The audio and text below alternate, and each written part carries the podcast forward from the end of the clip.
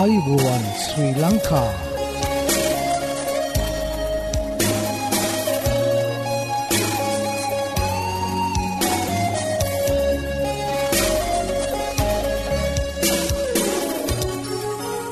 ඔබට සුපදවස මේ ඇඩවෙන්ටිස් වර්ල් රේඩියෝ බලාපොරොත්වය හඬයි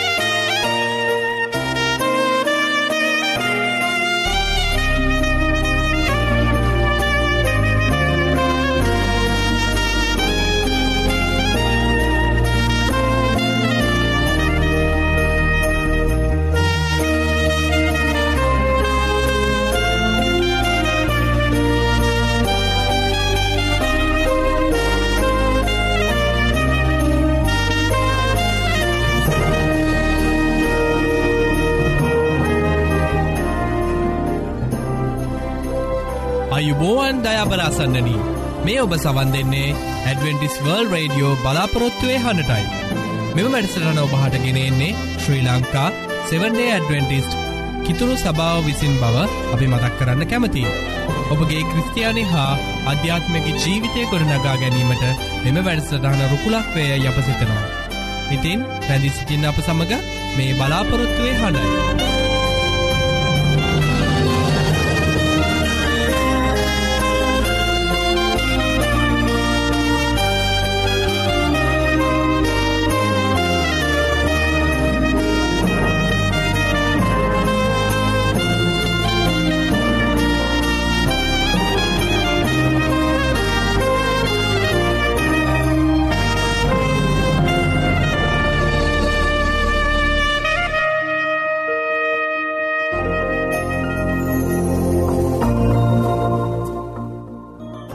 අද දිනේ බයිබල් පාටය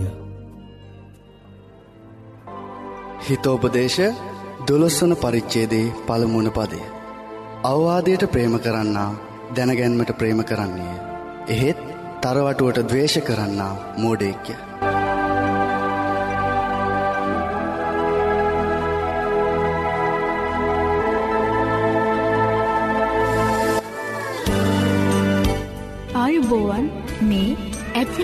රේඩියෝ බලාපොරොත්වය හඬ.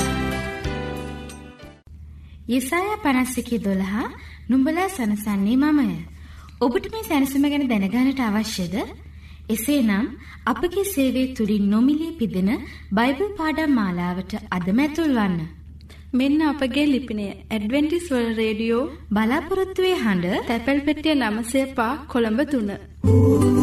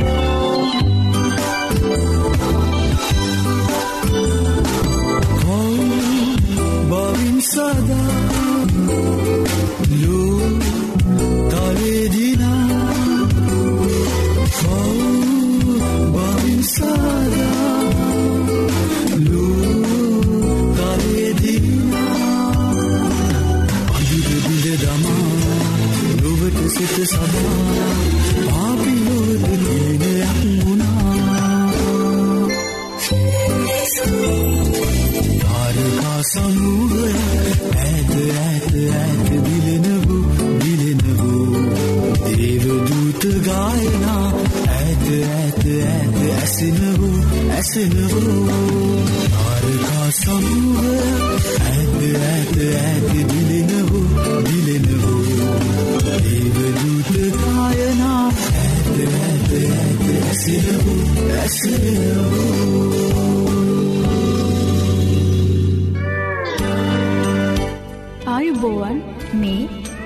ඇඩ්වෙන්ටිස් වර්ල්ඩ් රේඩියෝ බලාපොරොත්තු වෙන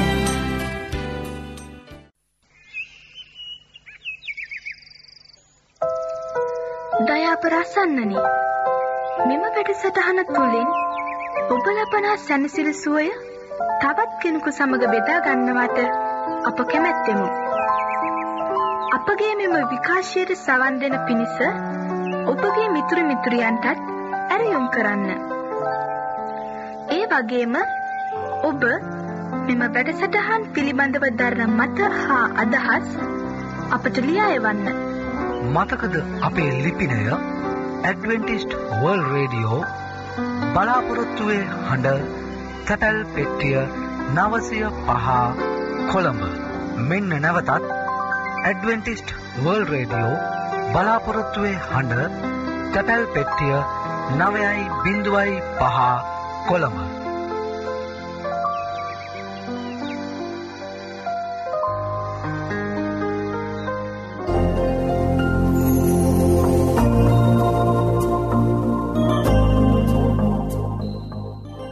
ඉතින් හිතවත හිතවතිය. දැන් ඔබට ආරාධනා කරනවා අපහා එකතුවෙන්න කියලා අද දවසේ ධර්ම දේශනාවට සවන් දෙන්න. අද ඔබට ධර්ම දේශනාව ගෙනෙන්නේ හැරල් ෆිනෑන්ඩු දේවකතිතුමා විසින්. ඉතින් එකතුවෙන්න මේ බලාපොරොත්තුවය හඬට.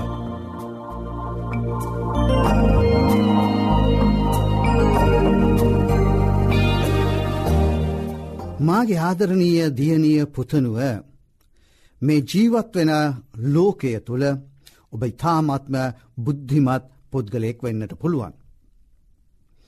ඒ වගේම ලෝකෙ ඕනම තැනක සිද්ධ වෙන්න ආව දෙයක් ඔබට තත්පර ගණනකින් දැනගන්නවා විතරක් නොවෙයි දැකගන්නටත් පුළුවන් වෙන විද්‍යා තාක්ෂණයක් තමයි අද තිබෙන්නේ. දැම් මේ විද්‍යා තාක්ෂණය මෙච්චර දියුණු වෙලා තිබෙද්දීත් දෙවියන් වහන්සේ ගැන කතහා කරද්දී. ඔබට කුමක්ද හිතෙන්නේ. ඔබට විශ්වාසයක් ඇත්වෙනවද අවිශ්වාස සහගත තත්ත්වයක් උදාවෙනවාද. සාමාන්‍යයෙන් පොදුදය නම් අවිශ්වාසයක් දැනෙන එකයි. මෙන මේ නිසා මම අද ඔබට කතා කරන්න යන්නේ. ඔබගේ සිතට දෙවියන් වහන්සේ ගැන අවිශ්වාසය දැනෙද්දේ කුමක්ද ඔබ කළ යුත්තේ කියන එක ගැනයි. අපි දෙවියන් වහන්සේ ගැන කතහ කිරීමේදී අනිකුත් මාතෘකා හා තේමා යටතේ කතා කරනවාට වඩා පරිස්සමෙන් යාඥාවෙන් යුක්තවම කතහ කළ යුතුයි. මොකද කිව්වොත් සාතන් විසින් ලෞකික ලෝකයේ තෘෂ්ණා සහ මාංෂික වූ තෘෂ්ණා අප සිත තුළට ඇතුල් කරන්නට ගොඩක් උත්සාහ කරන නිසයි.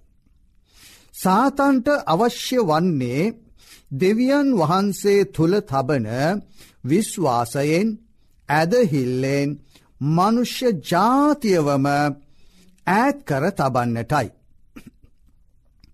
ඒ මනුෂ්‍යයා දෙවියන් වහන්සේගේ දරුවෙක් වනවා දැකීමට අකමැතිවා සේම ලෞකිකත්වයේ මාංෂික තෘෂ්ණත්වයෙන් දරුවෙක් වී දෙවියන් වහන්සේව අත්හැර සාතන්ගේ දරුවෙක් වෙනවා දකින්නට ආසනිසයි.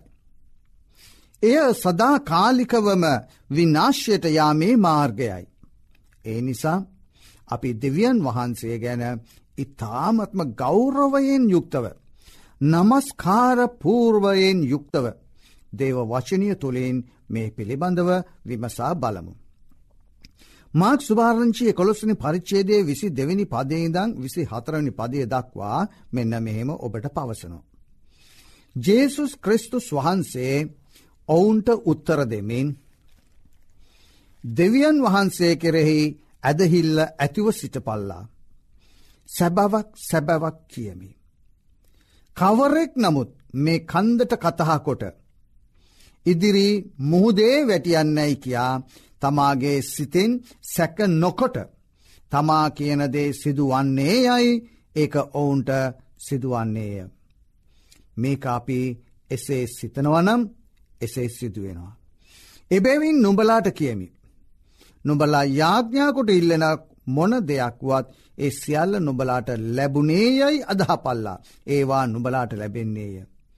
මෙතනදී ස්වාමින් වහන්සේ පවසන්නේ මාක්තුමා තුළින්. කන්දක් ඉදිරිලා වැටෙනව එකක් නෙවෙයි අපගේ ජීවිතයේ. මොන්නම ප්‍රශ්නයක් තිබුණත් අපි ස්වාමින් වහන්සේ තුළ ඇදහිල්ලෙන් යුක්තව ඉල්ලනවා නම් දෙවියන් වහන්සේ තුළ ඉල්ලනවා නම් දෙවියන් වහන්සේව විශ්වාසයෙන් ඇද හිල්ලෙන් ඉල්ලනවා නම් අපට ඒක ලැබෙනවා. හැබැයි මෙතන එක දෙයක් තියෙනවා. නොඹලාට මෙන්න මේක කියනවා. යාඥාකොට ඉල්ලන මොන දෙයක්වත්. ඒ සියල්ල නොබලට ලැබුණේ යයි අදහ පල්ලා.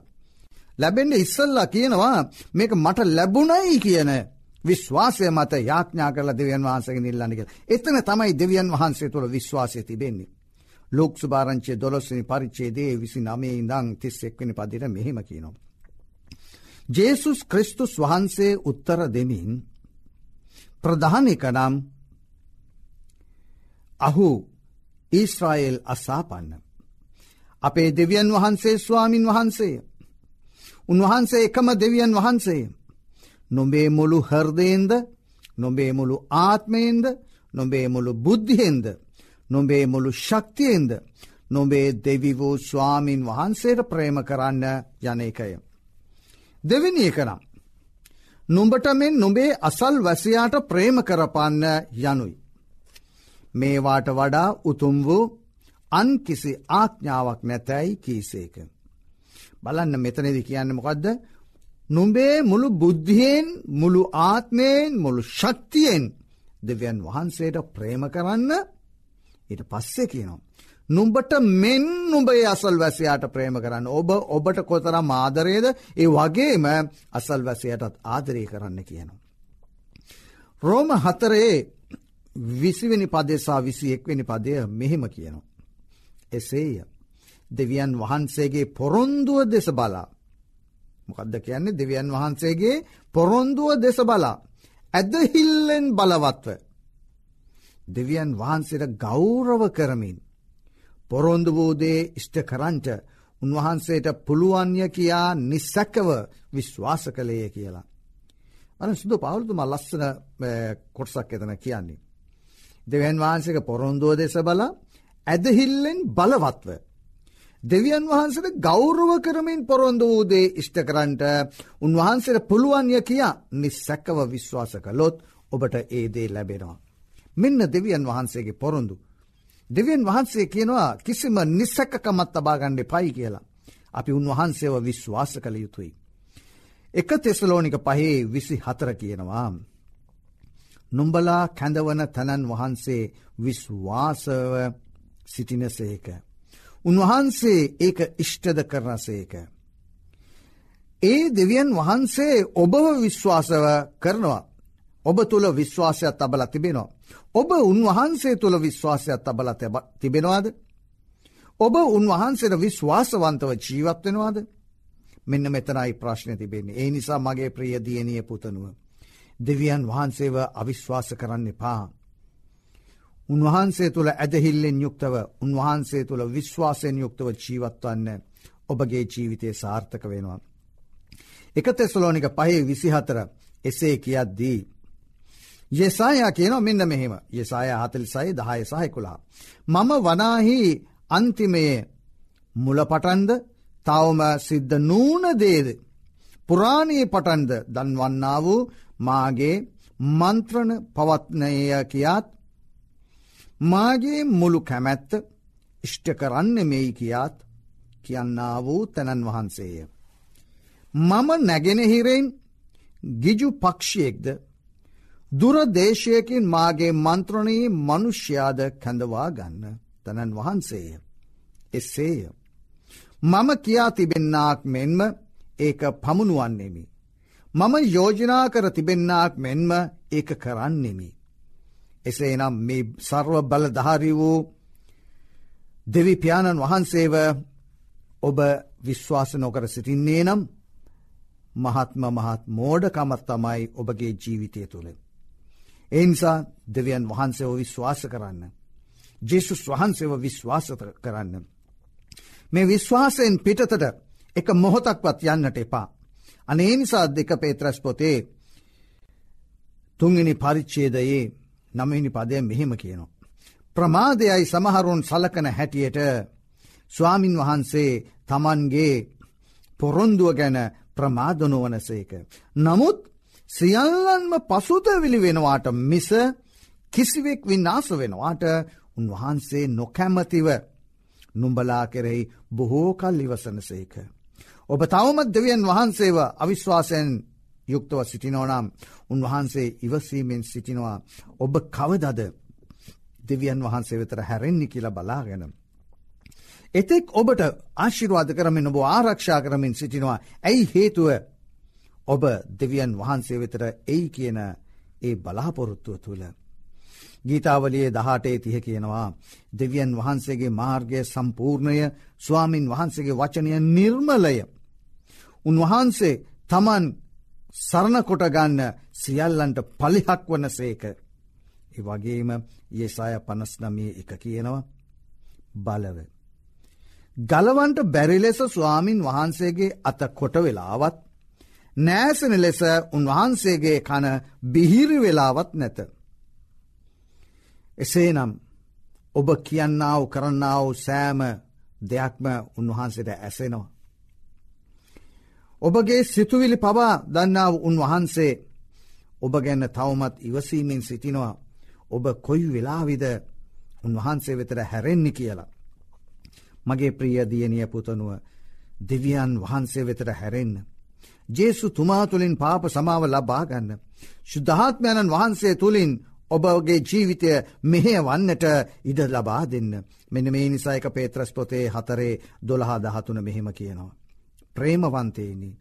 නුඹලා සෝදිසි කිරීම පිණිස පැමිණෙන නුඹලා අතරේ තිබෙන ගිනිමය පීඩාව ගැන අපූර්ව කාරණාවක් නුබලාට සිද්ධ වෙන්නාක් මෙන් පුදුමනොවෙල්ලා.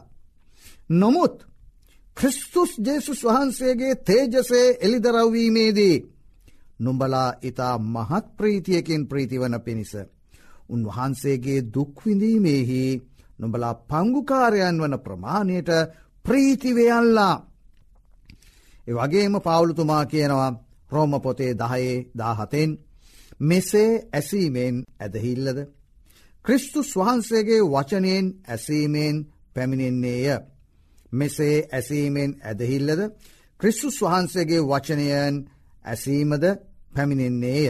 එතකොට ඇදහිල්ල ලබා ගන්නට ක්‍රිස්තුස් වහන්සේගේ වචනයෙන් අපි අහන්නට ඕන නිතරම. ඒ වගේම අවසාන වසයෙන් අපි දෙවියන් වහන්සේ තුළ විශ්වාසය තබමින් උන්වහන්සේ තුළ විශ්වාසය නැති අයත් උන්වහන්සේ වෙතට හැරෙන්න්නට බලාපොරොත්තුවමින් යෙසායා පොතේ පනස් පහහි දහයයි එකොළහයි මොකක්ද කියන්න කියල බලමු.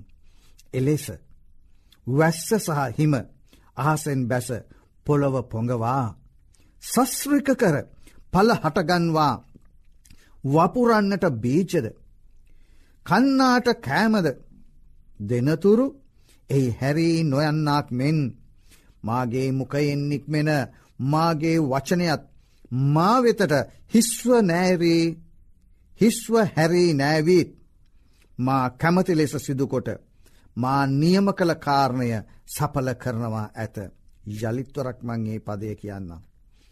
එලෙස වැස්ස සහ හිම ආසෙන් බැස පොළොවට පොඟවා සස්්‍රික කළ පල හටගන්වා වපුරන්නට බීජද කන්නාට කෑමද දෙනතුරු. එයි හැරේ නොයන්නාත්මෙන් මාගේ මුකයෙන් නික්මෙන මාගේ වචනයත් මා වෙතට හිස්ව හැරී නෑවිත් මා කැමතිදය සිදුකොට මා නියම කළ කාර්ය සපල කරනවා ඇත. ඒ දෙවියන් වහන්සේගේ පොරොන්දුවයි. එසේ නම් ඇයි මගේ දියනිය පුතුනුව ඔබ දෙවියන් වහන්සේව විශ්වාස නොකර සිටින්නේ. විශ්වාසය තුළට එන්න. දෙවියන් වහන්සේ තුළ ඇදහිල්ලට එන්න අපි යාඥා කරමුන්. ස්වර්ගය වැඩසින්න අපගේ ආදරණය සරෝබල පරාක්‍රම දෙවිපාණනී. ඔබහන්සේ නමස්කාරයත් ගෞරෝයත් ප්‍රසංසාවත් මහිමියත් ලබා දෙමින්. ඔබහන්සේ අපට දුන්නා වූ ජේසුස් වහන්සේගේ ඒ ගැලවීමේ කාර්ය නිසත් ඒ පූජාව නිසත් ඔබ වහන්සේටත් ස්තුතිවන්ත වෙමෙන් ජේසුස් වහන්ස බහන්සට නමස්කාරය පූජා කරමින්. ඔබහන්සේ ස්වර්ගට අධ්‍ය අපට දුන්නා වූ ශුද්ධාත්මයණන් වහන්සේටත් ස්තුති ප්‍රසංසා කරමින් නමස්කාර කරමින්. අපේ සිත්තුල තිබෙන්න දුර්වලකම්වලට අපගේ සිත්වලට එන්නා වූ ඒ නුසුදුසු සිතිවිලි නිසාත් ඔබ වහන්සේගෙන් සමාවාය දින්නෙමුව. අප තුළ තිබෙන්න්නාව ඇදහිල්ලෙ මදකම නිසා අපට සමාවී. ඇදහිල්ල තුළ ශක්තිමත්වයමින්. ඔබ වහන්සේ තුළ විශ්වාසයෙන් යුක්තව ජීවත් වන්නට ඔබ වහන්සක පොරොන්දු අල්ලාගෙන ජීවත් වන්නට ශුද්ධාත්මයනනේ අපට බුද්ධිය ඥානය ලබාදුන මැනව. මේ ඉල්ලා සිටින්නේ. අප වෙනුවෙන් ජීවිතය පූච්චා කර අපට පාප සමාව ලබාදුන්නා වූ අපගේ ප්‍රේමිය නමැති ජේසුස් ක්‍රිස්තුස් වහන්සේගේ නාමෙන්ය ආමේන්.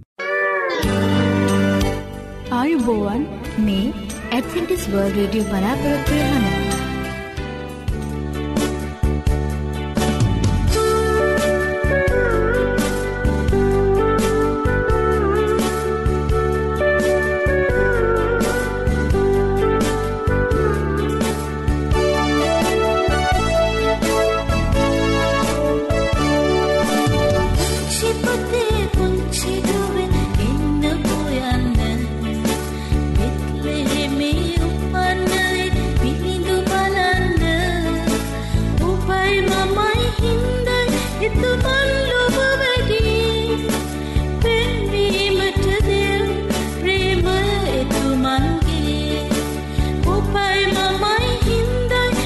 one.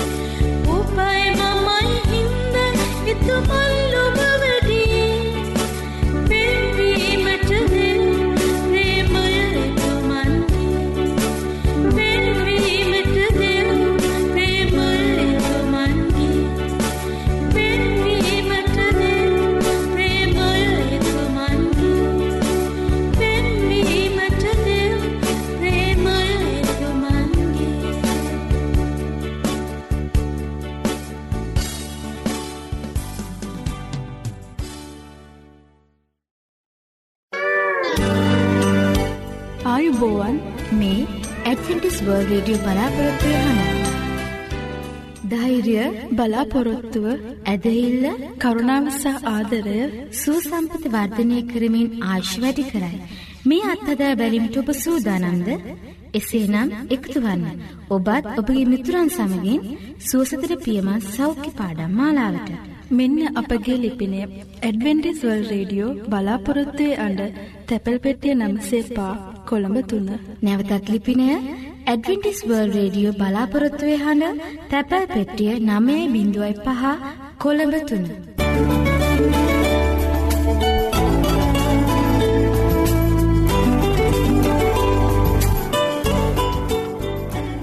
ඉතින් අසන්නනී ඔබලාට ස්තුතිවන්ත වෙනවා අද දවසේ අපගේ වැඩසටාන් සමඟ රැඳී සිටීම ගැන ඉතිං තව පෑකේපයකින් ලබන්නාවේ නත්තල ඔබට සාමය සතුට පිරි ප්‍රීතිමත් නත්තලක් වේවයි කියලා අපි ප්‍රාත්ථනා කරනවා. ඉතිං අදත් අපි ඔබෙන් සමගන්නා හෙටත් සුපුරුදු වෙලාවට හමුවීමට බලාපොරොත්තුවයෙන් සමුගන්නාම ප්‍රස්තියකනායක. ඔබලාට සුබ නත්තලක් වේවා. Thank you.